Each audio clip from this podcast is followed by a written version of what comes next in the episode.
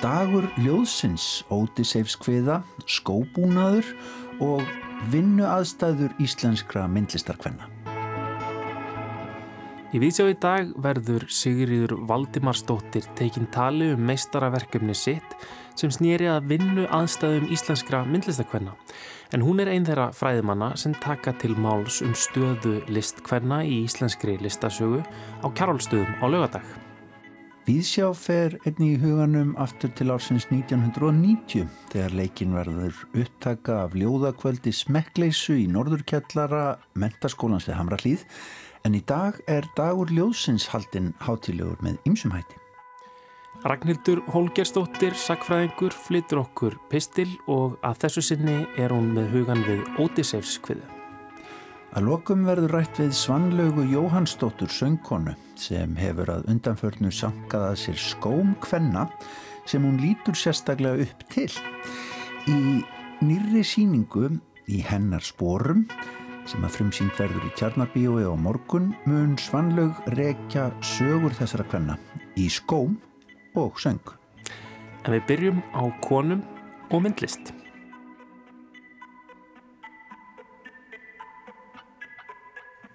Hér í Víðsjá tölum við á dögunum um síningu á verkum Eiborgar Guðmundsdóttur á kjarvalstöðum sem er bara stórmerk síning og þeir sem hafa ekki farið að sjá hana verða endilega að drífa sig að hann klárast. En þetta er sem sagt síning á vegum listasaps Reykjavíkur á kjarvalstöðum á þessari merku listakonu og nú á laugadag þá á að kalla til málþings um stöðu kvenna í samhingi íslenskrar myndlistar þarna á kjarvalstöðum og ræða þetta út frá Eiborgu en líka út frá listakonum íslenskum almennt og einn þeirra sem að allar taka til máls á þessu málþingi er Sigriður Valdimarsdóttir sem allar að halda erindi um niðurstöðu sínar sem að eru byggðar á Emmaritgerð sem hún skrifaði á Bifröst í menningarstjórnuna náminu þar og heitir erindi hennar einfallega Konur í myndlist. Sigriður, velkomin. Þakka að kjalla fyrir. Sko það að rannsaka, já, hag hvenna eiginlega í íslenskum íslenskri myndlist, er það ekki hérna, þetta er alveg stort verkefni, þar eru margar allavega. Jú, og þetta er kannski ekki alveg að, að hérna rannsaka hag sem slíkan heldur já, kannski svona stöðu íslenska hvenna eh, ámyndlist, í myndlistasenunni mm. og þá sko má segja maður er síðan í raun og að skoða ytra rými og tíma sem þær hafa sem er þá söfnin og aðgengja síningum og, og sölu og svona mm -hmm. og síðan sko innri sagt, um, þá þessi félagslegi uh, þáttur sem spilar inn í þú veist hvaða tíma hafa er frá fjölskyldu, mm. börnum hvernig er kvartning og ímislegt annað sem kemur til mm. Hvernig er haga vinnu sinni? Það Já. er mjög margir að starfað öðrum já, með annan starfa er það ekki líka og myndlistin er svona ekki áhuga mál, þú ert ekki alveg að tala um áhuga fólkið, heldur listakonur er þetta ekki, ekki oft blandað saman? Dál? Jú, þessi er, held ég að blanda svolítið saman vegna þess að ef þú skoðar sko félagsgrár þá eru konur í svo miklu meiri hluta Einmitt. 70 og eitthvað prósent allavega í sím sko Já, já. Uh, rúmlega 70 prósent og auðvitað vitum við alveg að það eru þó nokkru sem að standa utan fjalla og kæra sér ekkert umöndil að vera í, í samflótti mm -hmm. en hins vegar eru konur ekki 70 eitthvað prósent á markaði Nei, þannig að einhverjar eru kannski að þessu svona í meira svona til hlýðar og ekki alveg kannski að sinna þessu fullu starfi mm -hmm. eða kannski komast bara ekki að eða það geta leiði margar ástæður mm -hmm. sem, og ég fer ekkert andilega í það að skoða það Nei hins vegar skoðaði ég tölur og meginlega mín sótti ég uh, bæði á listasafn Íslands og listasafn Reykjavíkur, mm -hmm. þetta eru mhm. stærstu söfnin. Þú ert bara að hugsa um svona safnignina sem slíka? Já, bara, Já. nei, sko ekki safnignina bara sem slíka. Jú, ég skoðaði sko sölu uh, tölur síðustu 16 ár en líka síningarskrár og þá fór ég gegnum sko mm, hérna frá því að uh, Listarsafn Íslands til dæmis fer inn í safnási, þá eru til gögn frá 1951 og fram á okkar dag og þar taldi ég saman hérna samsýningar og þáttöku hvenna þar, hversu mhm. margar konur tóku þátt í samsýningum versus kallar mm -hmm. og eins hversu margar konur síndu á engasýningum. Mm -hmm. Það lítur að hafa verið aldrei skakt framann á þessu tímabili kynja hlutallið Jú, það var, það, var það var náttúrulega mjög skakt og fyrsta, fyrsta engasýning konu var 56 held ég mm. og síðan liður sko bara einhver fjöldi ára þanga til næsta engasýning var. En, en eh, svo skoða ég frá 73 listar sem er Reykjavíkur og, og hérna og síðan skoða ég sko hversu mikið eh, mörg verk hefði verið keift mm -hmm. eins og listar sem Reykjavíkur og hversu margar konur hefði selgt og karlar og eins eh, hérna hjá listar sem Íslands þannig að þetta voru þó nokkuð af svona tölum sem hægt var að rína í mm. síðan skoða ég listamannalaun bæði sko umsók, eða sérst hver, hversu margar konur hefðu fengið listamannalaun og hversu margir karlar og síðan árangus uh, tölur og, og mm. svona mm -hmm. og talt út mánuði hversu marga mánuði konur hefðu fengið versus kalla og alls konar svona mm. þannig að það voru þó nokkuð að gögnum sem maður hafði En, en svona á undanförnum árum þá hlýtur þetta að hafa verið að hvenar er þetta svona að leiðréttast ef við skulum segja það? Sko síðustu ár þá hefur þetta verið að leiðréttast sko varðandi listamannarlaunin alveg þó nokkuð sko þó þetta sé kannski mánuðum talið ekki komið alveg Nei. en það svo sem veit maður ekki alveg þú veist þetta eru bara rákagn og maður veit ekki hvernig umsóknir voru fylltar út eða þú veist hvað var verið að sækjum marga mánuði, Akkurat. þú veist kannski voru kartmenn að sækjum fleiri Nei, mánuði heldur en konur, þú veist þannig að þú veist, ég kemst ekki... Þetta bara hálfsögnin, sko. Já, einmitt, þetta er bara, sko, þetta er bara það sem að veit ekki hvað var sótt. Mm -hmm. Þannig að þetta segir ekki allasög og, og þú veist, það er alveg tekið skýrt fram.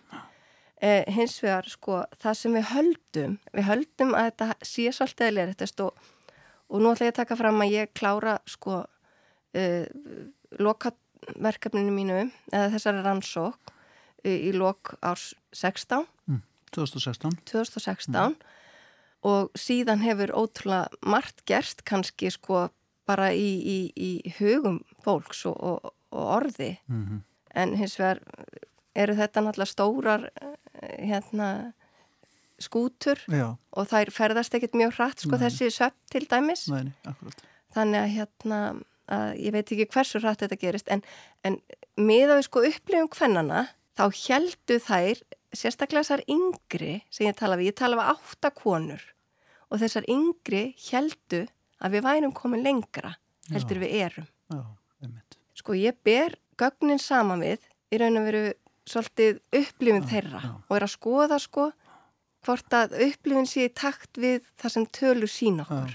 Og, er, og þar er einhver, einhver gliðnun í gangi. Það er sem við erum ekki komin alveg að blanta og við höldum stundum. Já, það er svolítið það. Mm. En maður sér það, maður horfir kannski víðar á menningalífið, að þetta er þessi áhersla er samt að koma upp líka bara svona í, í, í stefnumótun stjórnvalda ef við horfum til dæmis á kveikmyndasjóð og við getum hort á til dæmis bara verkefnaval og aðkomur hljóðfærarleikara hjá Sinfoni hljónst Íslands til dæmis. Söfnin eru meðvituð um þetta líka þetta er eitthvað sem að er Já. en þetta er bara byggjast upp á síðustu árum þessar breytingar. Og mjög hratt sko núna bara eins og ég segi, ég held að hafi orðið bara þó nokkuð margar breytingar frá því að ég loka rannsókn. Já. 2016. Þannig að ég hlakka bara til að sjá þegar að næsta rannsókn verður gerð og byrt og svona vegna þess að ég held að og vona að við séum á, á, á, á hérna réttri leið. Mm. En svo náttúrulega líka sko við erum á svo litlu markaði og eins og til dæmis með síningar og, og, og svona þetta er þröngur markaður sem ég segi og, og og margir að sína kannski á minni stöðum og í alls, alls konar öðru rými mm -hmm. og sala sko þó að ég skoði þarna tölur til stórusafnana að þá eru margir sem kjósa sko að selja bara beint og það verður að selja í gegnum Facebook og, og sumir fari í gegnum galleri og, og sumir í gegnum búðir og þú veist þetta er veist, þannig að það er einhvern veginn kannski svolítið erfitt að að ná yfir allt já, ná yfir já. þetta þannig að þetta sé en svona þetta var kannski bara svona ákveðin leið til þess að koma einhverju svona skikka á þetta já, allavega einhverju mynd að já. gera sér einhverju hugmynd um þetta já. Þetta eru náttúrulega miðlunarleiðir myndlistarinnar og eru mjög fjölbreyttir eins og bendir á Já, og, og í raunum veru sko að því að söfnin, þessi stóru söfn þau gegna svo hérna, miklu hlutverki í samfélaginu. Já. Þau eru svo stýrandi, Já. í raun og veru sko alveg leiðandi stýrandi, Já. þau eru alveg mjög áhrifamikil og eins og til dæmis uh, listasab Reykjavíkur uh, sko hefur mikla svona, hvað ég segja, svona kennslu uh, skildur? Já, skildur í raun og þeir takk á múti grunnskólanemyndum og, og framhaldsskólanemyndum og, og, og háskólanemyndum og þetta gera sömulegis líka listasafn mm. Íslands. Mm -hmm. Þannig að hérna það sem er á bóðstólum þarna, það er svolítið stýrandi. Mm -hmm. Og emitt, já, og svona býr til tilfylgjum okkar.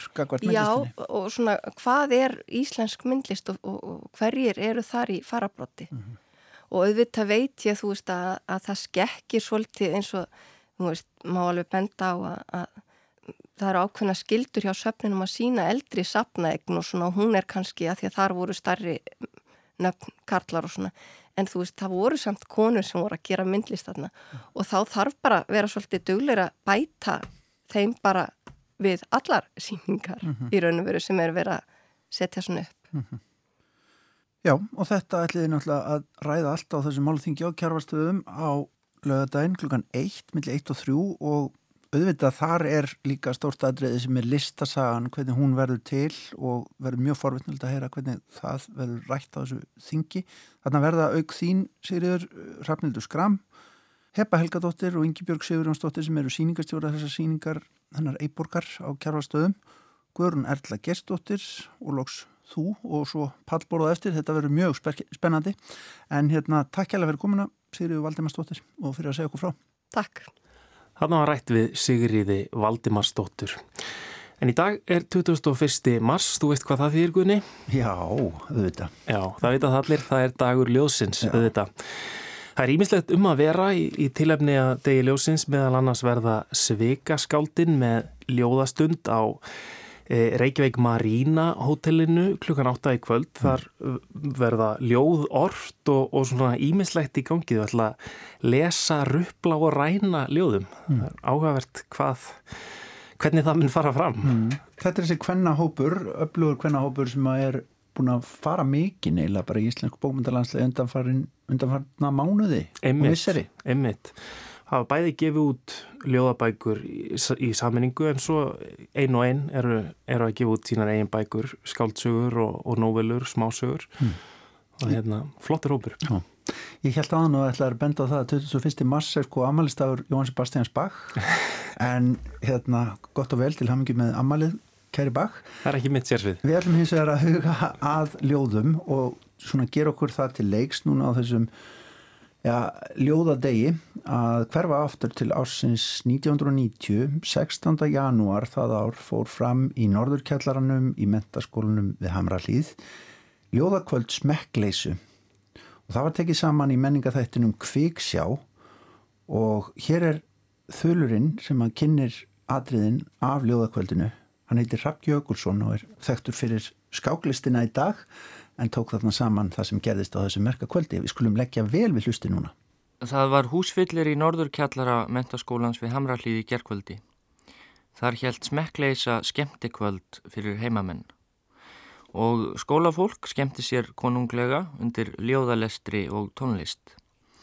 En það sem var einna sérstæðast við dagskrána var hversu margir tónlistarmenn fluttu ljóð eða annan skaldskap eftir sig. Þeir félagar úr Sikurmólunum, Einar Örn Benediktsson og Bræi Ólafsson lásu ljóð, Hilmar Örn Hilmarsson og Magnús Tór Jónsson og Michael Dean Pollock. Önnur skáld sem framkomu voru Jón Gnarr, Ditta, Jón Hallur Stefánsson og Jóhann Hjálmarsson.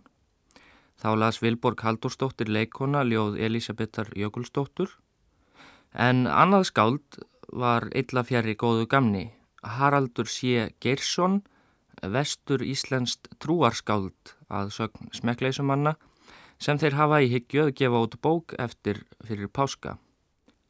Haraldur þessi mun ekki vera almennt þektur í Kanada en Bræi Ólafsson hvað hann hafa lesið upp í Manitoba og nærsveitum.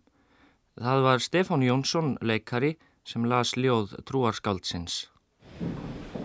Hinn ókomnu svör Það var sem úlváta riðu yfir fjallið og fjallið bærðist fyrir vindi hins mikla spámans.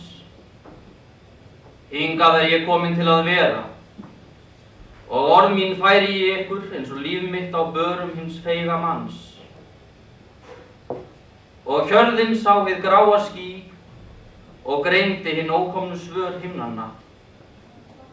Sæll er sá sem hefur faraskjóta og fjall að baki. Skáldið sperma þekkja ekki margir, en sem komið er að minnstakosti, en það er hið hóværa skáldanafn Einars Arnar Benediktssonar Sikurmóla. Í nýju jakkafötunum stóð ég glæstur sem mikilmenni og hver er þú, var spurt. Ég elska voða vond veður. Brægi, brægi, kerðu mig til tallinn, mér verður flögurt að ég hugsa um mat. Geð mig bíltúr, ég geti mista balli. Ég lætt smíða eilíft jólatréin í stofu, þá þarf ekki að blóðga alaskagreini. Því, því sem ég er háður kemur engum við, en þegar ég veit ekki hvað ég vil, stefnir allt í óöfni hjá mér. Í vondu veðri hljómar þakki mitt barið af jæljum eins og keðjan Missouri þræla 1843. Hvernig veit ég það? Nú einhver sagði mér það. Ég þól ekki bíla sem spóli í hálku. Pípuð á ganginu hjá mér fyrir töðunar á mér. Það var svo sátt að hverjana, vinnu minn spurði, erum við svona harða varir?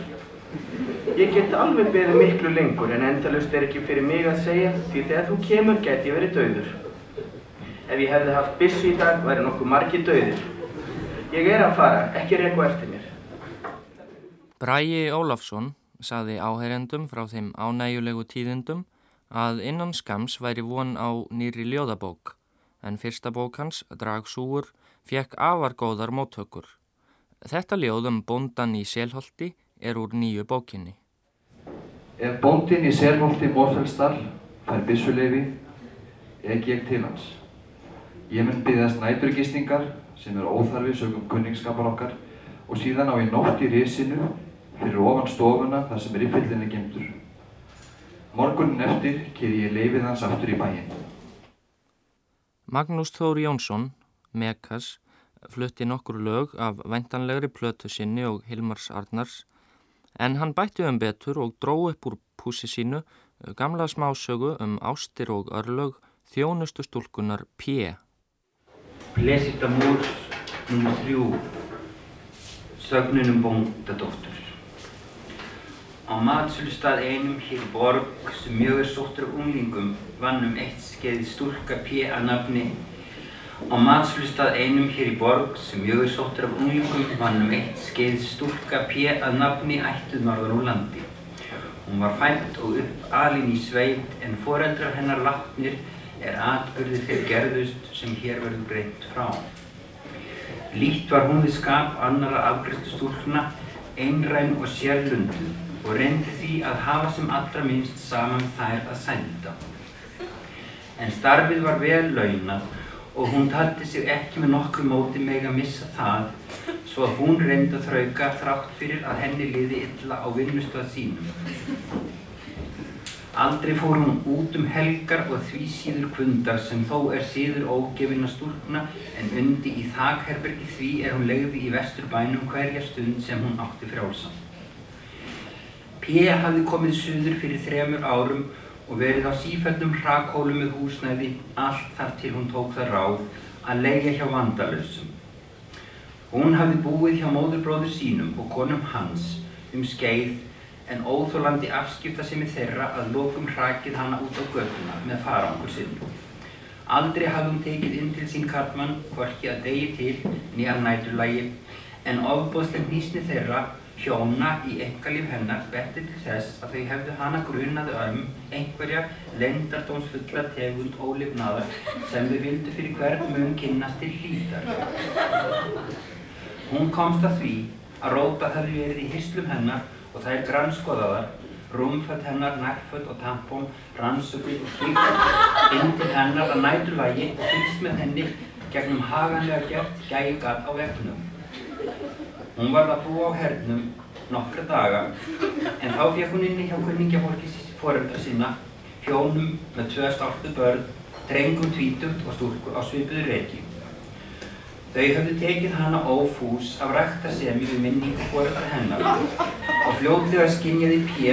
að húsmóðurinn leitt hana horn auga og taldi hana ógifta hafa slæm áhrif á dóttu sína. Nótt eina hrökk hún upp í það að ungi pilturinn sonur þeirra hjóna ruttist inn drukkinn, hafði opnað með likli er allt heimilisfólkið átti aðganga að og krafðist þess að fá að sofa hjá henni. Hún átti í mestu eflileikum með að koma honum út án þess að vekja hitt heimilisfólkið og á eftir þáði hún ekki að festa blund af við að hann kæmi aftur. Dægin eftir var hún rekin úr húsnæðinum. Næst skaut skjólshúsi yfir hann að föðurbróður hennar strángur og síðavandur og kona hans trúrækin og afskipta lítil og þar taldi Pési óhullta. En þar skjáttlaðist henni hrapalega. Þau hjónin hafði upphafi bannaðinn að læsa að sér og hafði svo því til áréttingar fjarlægt lík þann er gekk að herberginu. Skömmu eftir að hún fluttist inn fór hún að taka eftir óþægilegum öfnagotum húsbóndans. Eitt kvöldið er P. var að afklæða sig nýkom frá matsölustannum en hún vann oft fram yfir miðnætti, snaraðist húsbóndin inn með líkilinn, læsti greipana og neytti til að leggjast.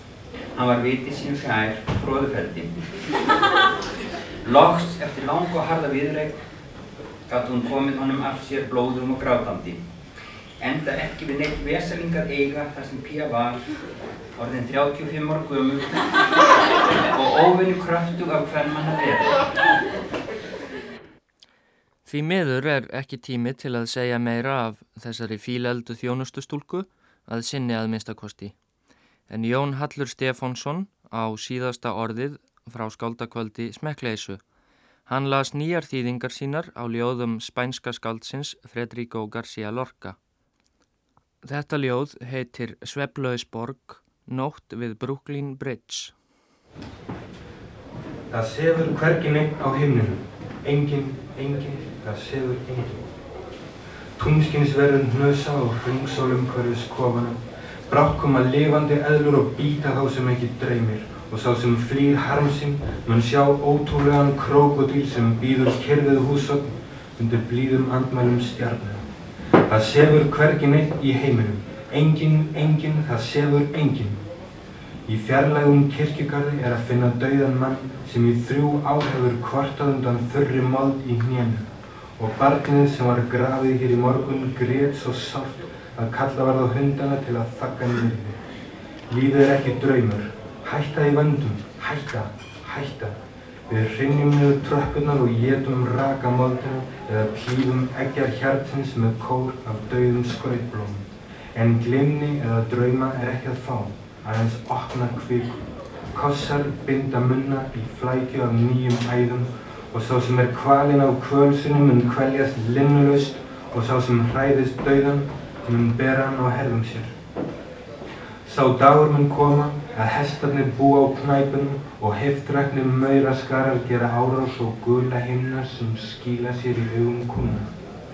Annan dag munum við líta endurhaldgun þurkara fyrirda og jafnvel á göngu um heimkynni grára svampa og fögulla skipa mun ringur okkar skína og rósir streyma af tungu okkar. Hætta í vandum, hætta, hætta. Þeir sem enn bera merki eftir rándýrst þóa og skífall og þessi drengur sem grætur af því hann þekkir ekki brýr eða líkið sem ekkert ánema hausinn og annan skóin upp að múrnum með hann þar sem eðlur og slöngur býða, þar sem tangarður bjarnarins býður, þar sem steingerður batsan býður og úlvaldahárin rýsa af snaggum bláum hrollum. Það sefur hvergin einn á himninum, enginn, enginn, það sefur enginn en ef einhver lokar augunum, hýðir hann piltar, hýðir hann, til að hér sé samfeld yfir sín opina augna og biskra logandi kauna. Það sefur hvergin einn í heiminu, enginn, enginn, ég hef þegar sagt það, það sefur enginn. En ef kvöldar og einhver hefur á gagnugum sínum ógnótt mosa, ljúki þá á klerunum á borlinu svo hann sjáu við byrtu af tungli, falska byggara, eitur og hauskúpu leikúsana. Þarna heyrðu við upptöku úr norðu kjallara mentaskólans við Hamralíð frá árinu 1990. fjölmörg skemmtileg skáld sem Mhm. að lásuð þarna og þetta heyru við auðvitað í tilefni þess að í dag, 21. mars, er dagur ljóðsins. Mhm. En það er ímislegt um að vera í menningarlífinu. Núna á laugardag verður málþingum bergla og menningu sem að félag áhuga mannum sögu læknisfræðinar heldur. Þannig eru ýmsir viðburðir alveg frá tíu til klukkan eitt á þjóðminnesafninu rættum bergla og, og, og, og tengsl, tengsl þeirra við menningu ímsa, ímsa þætti. Sko tilefnið er að 100 ára liðin í sumar frá dauða Jóhann Sigurjónsson. En þau í sístur þætti okkar lestinni hér á eftir klukkan 5 ætla að fara nánar í þessi mál og þessa salma. En þetta er auðvitað samt svo enkennilegur sjúkdómur. Þannig ásir svo svona romantíska ásind í menningunni og við ætlum að grípa til eins frægstæmis um það. Eh, Það er auðvitað verið í Íslensku óperunni að flytja La Traviata eftir verti í þessa dagana og þar er það Violetta Valeri, þessi gleðinar kona sem að deyralokum, ég held ég sé ekki að ljóstranninu upp um það, hún deyralokum úr berglum í þessu verki, tærist upp. Og við skulum heyra hérna einu sönnu Marju Callas syngja loka aríuna úr verkinu á brakandi upptöku þetta er Adio del Passato loka arían úr þriða þætti það sem að, já, það stittir stittist í lífinu hjá Violettu Valeri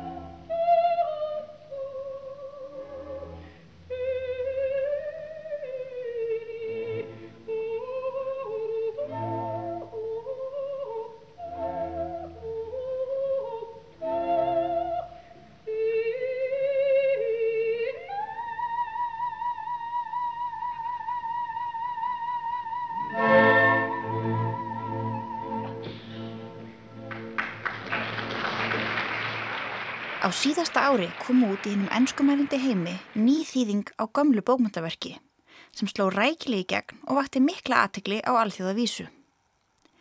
Þýðandin heitir Emily Wilson og verkið er ótisefskviða. Ateglinn sem þetta framtak vakti var að einhver leiti fyrirsjáanleg. Því ótisefskviða er jú eitt frægasta og virtasta bókmyndaverk sögunar. En á hinn bóðin verður því ekki neitað að verkið er einhver starf kringum 2800 ára gamalt og því varðlan eitt sérstaklega nýtt og spennandi. Ofan á það bætist að hómuskviður hafa verið þýttar á ennsku hvorki meirann í minn en 60 sinnum frá því snemma á 17. öld. Og síðustu 20 ár hefur að meðaltali komið út nýþýðing á tveggja ára fresti. Það mætti því spyrja sig hvort verkið megi ekki teljast full þýtt á ennska tungu og hvort það sé nokkuð nýtt um það að segja yfir höfuð. Það eru líklega fá bómundaverk sem eru erfiðar að þýða en hómuskviður. Það samanstanda af tveimur ólíkum hlutum Iljónskviðu og Ótisefskviðu.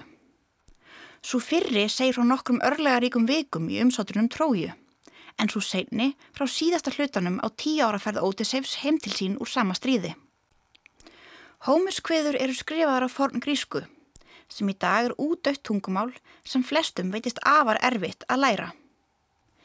Það er því engin í öllum heiminum sem getur lesið þetta verk á móðumálu sínu. Til að bæta grá ofan og svart þá er málið sem hómuskviður eru skrifaðar á algjörlega sér á báti og líkist ekki neinu sem raunveruleg forngrísk manneskja getur nokkur sinni hafa talað.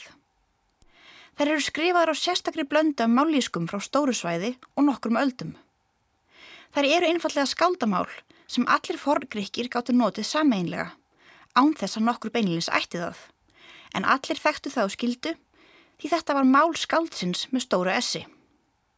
Þetta er menningasögröð samhengi sem engin þýðandi getur endurskapað með nokkur móti. Það er líka ráðgáta hver hafið samið hómurskviður og um það hafa fræðmenn deilt í nokkur veginn 250 ár. Í dag eru flestir sammála um að hómurskviður hafa orðið til á sérstaklega gjöfulum tímamótum, munlerar geimdar og reitmenningar. Þegar einn eða fleiri einstaklingar með aðganga báðum þessum heimum byggu til eitthvað alveg einstakt eitthvað sem hefur náða að fanga huglesenda í næstum því 3000 ár frá sköpun þess. En þetta er samt allt ákaflega óljóst og það er ekki einu svona allir sáttur um það hvort hlutanir tveir, Iljónskviða og Ótisirskviða, sé yfir höfuð eftir sama höfund. Þessi óljósu mörk millir munlerar gemdar og rítas höfundaverks hafa líka fengið margan fræðimannin til að reyta hársitt og eigða starfsefni í að tæta kviðunar í sundur, í vonum að losna við síðar tíma viðbætur. Þar til þeir veru komnir með kjarnan, hinn ómengaða og ófalsaða Hómer. Eina af ástæðum þess að þýðingu Wilson vakti alla þessa aðtegli er svo að hún er kona. Það sem rannsóknir og þýðingar á Hómer eru mikið karla veldi. En eins og Wilson hefur sjálf verið ötul við að benda fólki á, þá var Iljónskviða nýlega þýtt á ennsku af annari konu, Caroline Alexander. Og ef litið er til viðtökusugu Hómerskviða í vestur Evrópu, Það var franska fræðikonan Anna Dacier á átjómduöld meðal áhrifaríkustu þýðenda þessa mikla bókmyndaverks. Önnur skýring á þeirri aðtegli sem þýðingu Wilson hlaut er svo að hún er bæði rótæk og nútímaleg. Í þýðingunni lagði Wilson sérstakka áherslu á að draga fram það hverstaslega ofbeldi sem fælst í þrælahaldi í heimi hómuskviða. Hún velti líka fyrir sér ólíku hlutskipti Karla og Kvenna og þeim siðfyrirslegu áleitamálum sem uppkoma þegar ferðarlangurinn Ótisefur heimsækir fjarlæglönd og ókunnugar þjóðir og fundin er enda í vopnuðum átökum. Það er aldrei skýrt í Ótisefskviðu hvort aðalpersonan sé hetja eða skúrkur. Þetta er þýðing sem talar stert inn í menningu samtíma okkar þegar við glýmum við ótælandi erfið siðfyrirslega áleitaefni sem við þurfum að vega og meta út frá ólíkum sjónarhornum. En má þetta? má þýða bókmyndaverk frá 8. öld fyrir Krist á þann hátt að það er sérstaklega vel við tíðarandan við upphaft 2001. aldarinnar. En þær vangaveldur kalla líka á þó spurningu hvort fyrsta ennska þýðingin frá árinu 1611 sé eitthvað hlutlösari eða lausari undan menningu sín samtíma. Það er auðvitað hægt að leggja hlutlat mat og gæði þýðinga með því aðtúa hversu vel þær fylgja frumtekstanum. En ef þýðingin á að ná til lesenda í nýju menningarsamhengi, þá verður þýðandin alltaf að taka einhverjar ákvarðanir sem breyta heildar yfirbreðið tekstans. Þegar bylið sem þýðandin þarf að brúa er jafn breytt og í tilviki hómerskviða í nútímanum, þá geta tvær þýðingar orðiðan ólíkar og nótt og dagur. ekki síst ef önnur þeirra er frá 17. öld og hinn frá þeirri 2001. Þá er kannski orðið réttar að tala um ólíkar útgáfur frekar en ólíkar þýðingar. En hvað þá um frumtekstan sem það hlýtur allt saman að snúast um? Frumtekstan sem sömur fræðimenn tættu í sundur með málvísindi og orðabækur af vopni í leita frumtekstanum innan frumtekstans. Ef eitthvað er, þá er hinn aldalanga þýðingarsaga hómuskviða í undarlegu samræmi við uppruna þeirra, sem enginn getur almenlega skorið úrum hvort sem munlegur eða ritaður. Hómuskviður er eins og snjópolti sem rúlar neður hæð og með hverri veldinni bætast við nýlög af merkingu, nýjar útgáfur sem hafa allar sitt eigið gildi. Þökks í einum ötulum manni á 19. öld, þá eiga Íslendingar eitt lag í þessum stóra og mikla snjóbolta. Sú þýðing er eftir hinn fjölhæfa fræðimann Sveinbjörn Eilsson sem fættur var árið 1791. Þessi eina íslenska þýðing á uppurna sinn í grískukennslu Sveinbjörnar við lærðaskólan og er í óbundnu máli. Hún stendur fyllilega fyrir sínu sem vandað bókmyndaverk. Þótt Sveinbjörn sjálfur hafi alltaf ætlað að bætum betur og þýða hómurskveður upp á nýtt yfir á hinn íslenska bragarhátt forniðislægið.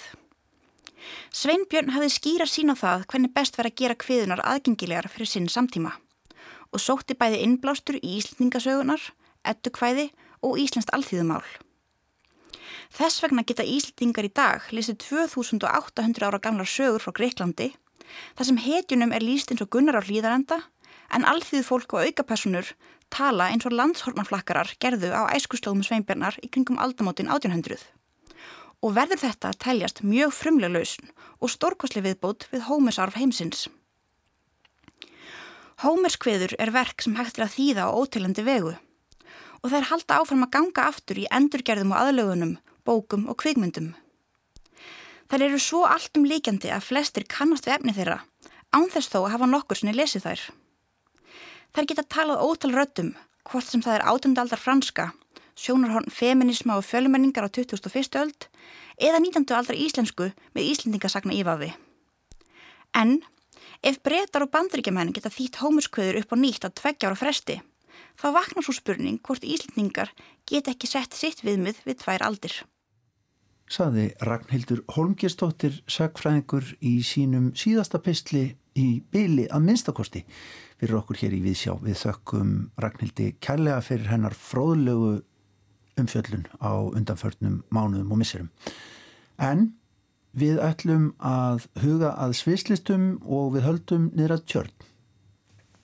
Svanlaug Jóhannsdóttir, söngkona, þú ert að frumsýna hérna í Tjarnabí á morgun síningu sem heitir Í hennar sporum og við setjum hérna á miðju sviðinu og erum eiginlega umkringt svona nokkrum skópörum sem að ég hef heyrt að þú hafið Eh, fengið frá ýmsum konum sem að þú lítur upp til. Ertu sjálf skó safnarið eða skó áhuga maður? Já. Nei, svo sannarlega ég elska skó og ég elska náttúrulega bara allt þetta við leikúsið sem að býðir þér upp að klæða þig upp í einhvers konar búning og stíðisbor einhverja annara og, og veist, ég held að það sé ekkert endilega maður sé að prófa að vera einhver annar en maður er. Ég held að það sé langt því frá. Ég held að það sé maður sé bara að prófa að sé áfram með ymsar hliðar á sjálfum sér en því að maðurinn er aldrei bara eitt hann er aldrei bara þetta, bara eitt bara móðir, bara dóttir Nei.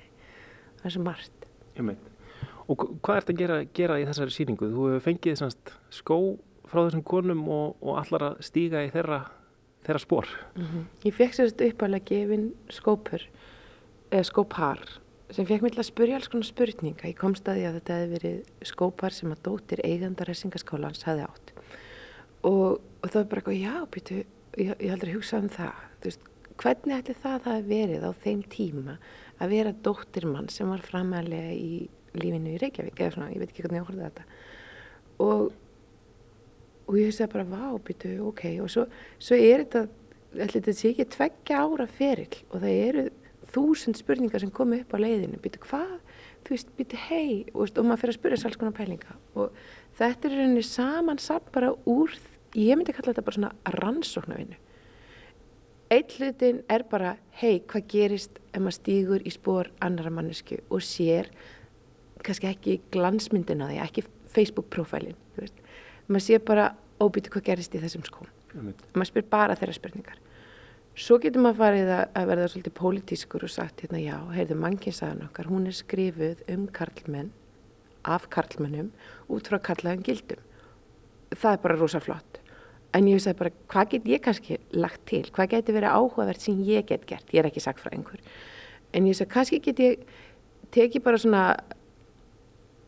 þess að erketýpu kona og skór eitthvað mest kvenlegt mm. verið kona og talað um konur og bara prófað og bara séð hvað kemur út Þannig að þú byrjar með þessu eina skópari sem að mm. hérna, koma, koma einhvern veginn til þín en svo ferðu að hafa sambandi við konur að, að fá skó eða hvað?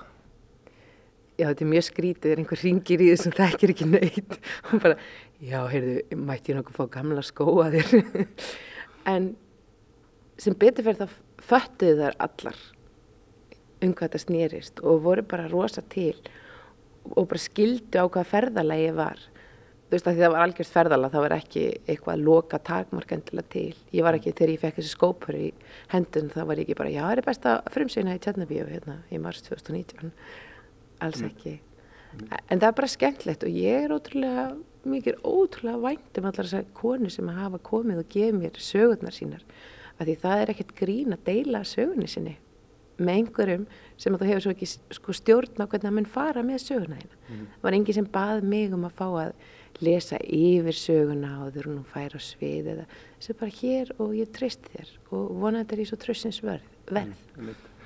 Hvernig, hvernig sögur er þetta og, og já, eiga, eiga allir skóra einhverja sögu eða hérna, já, hvernig, hvernig tengjast þessar sögur endilega þessum efnislegu hlutum sem, sem þessi, þessi skór eru?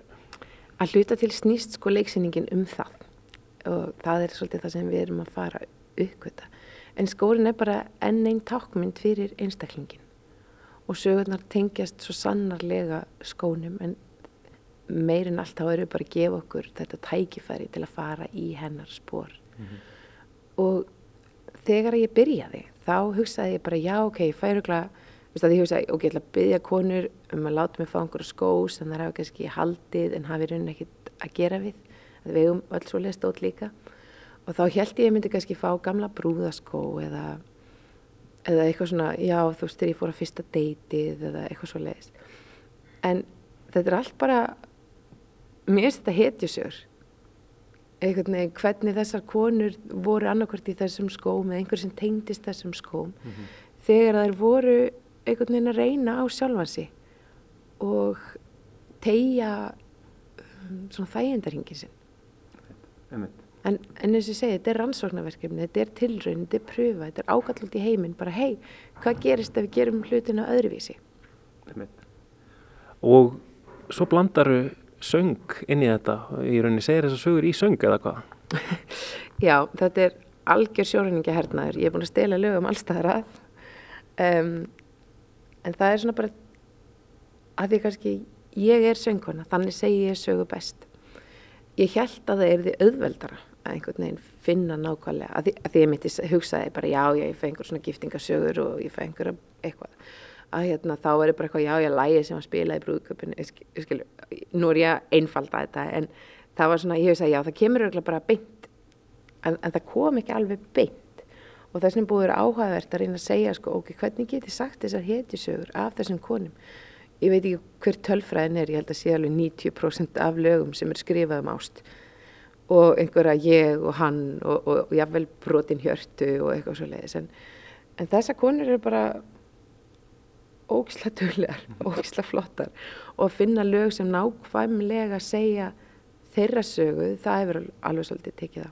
Og eins og það líka náttúrulega það er alls konar skorður sem hann er sett. Veist, við höfum leikús og í þessu tilveiki höfum við eitt flíil og hann Einar Björtur Eilsson, hann spila svo fallega á flíilin um, við hefum ekki hljómsveit þannig ef einhver byrjum að spila poplag að þá þá gengur það ekki.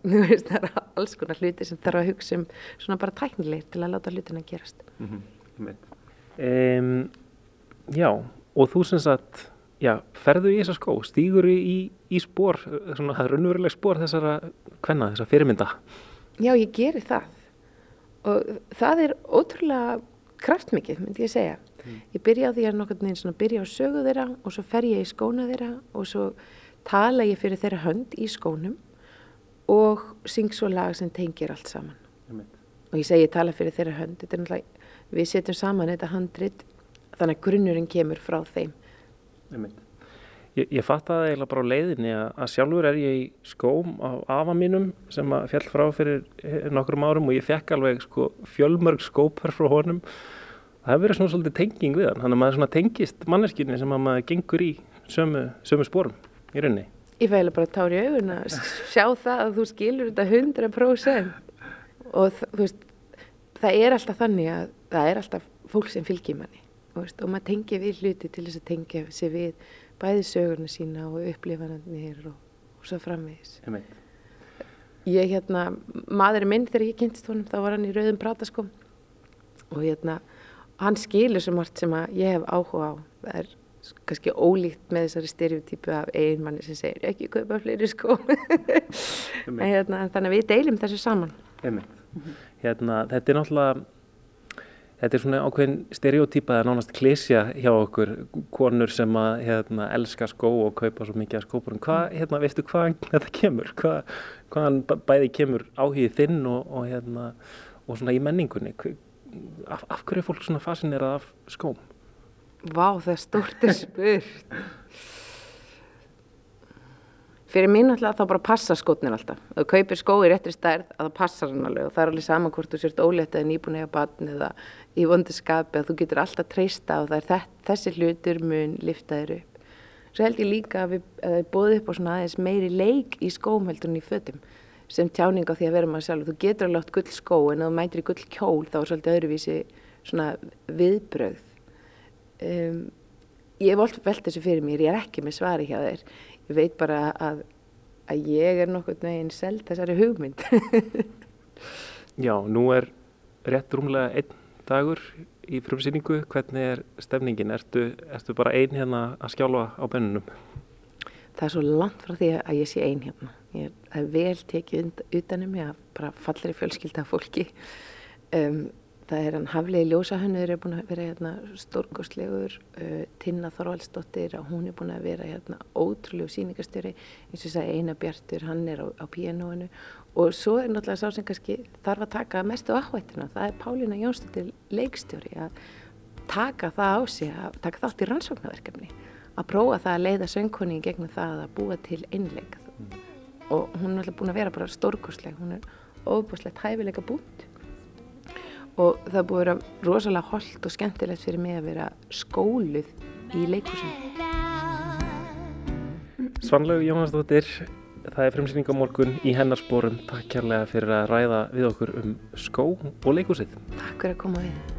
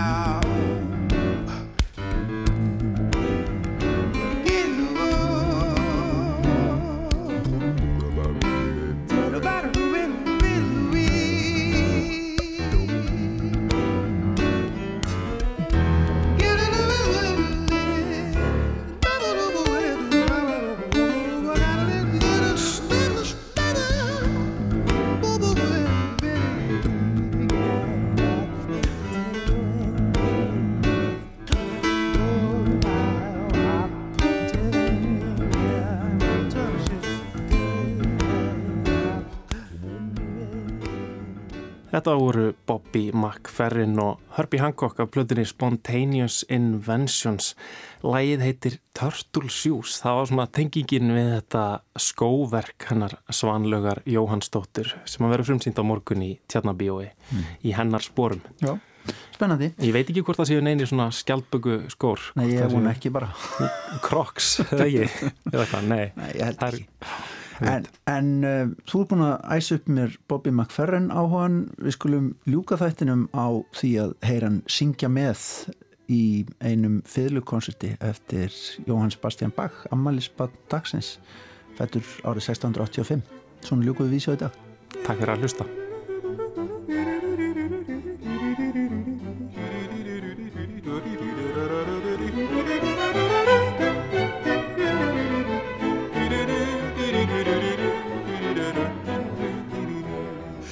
Doo doo doo, doo doo doo, doo doo doo, doo doo doo, doo doo doo, doo doo doo, doo doo doo.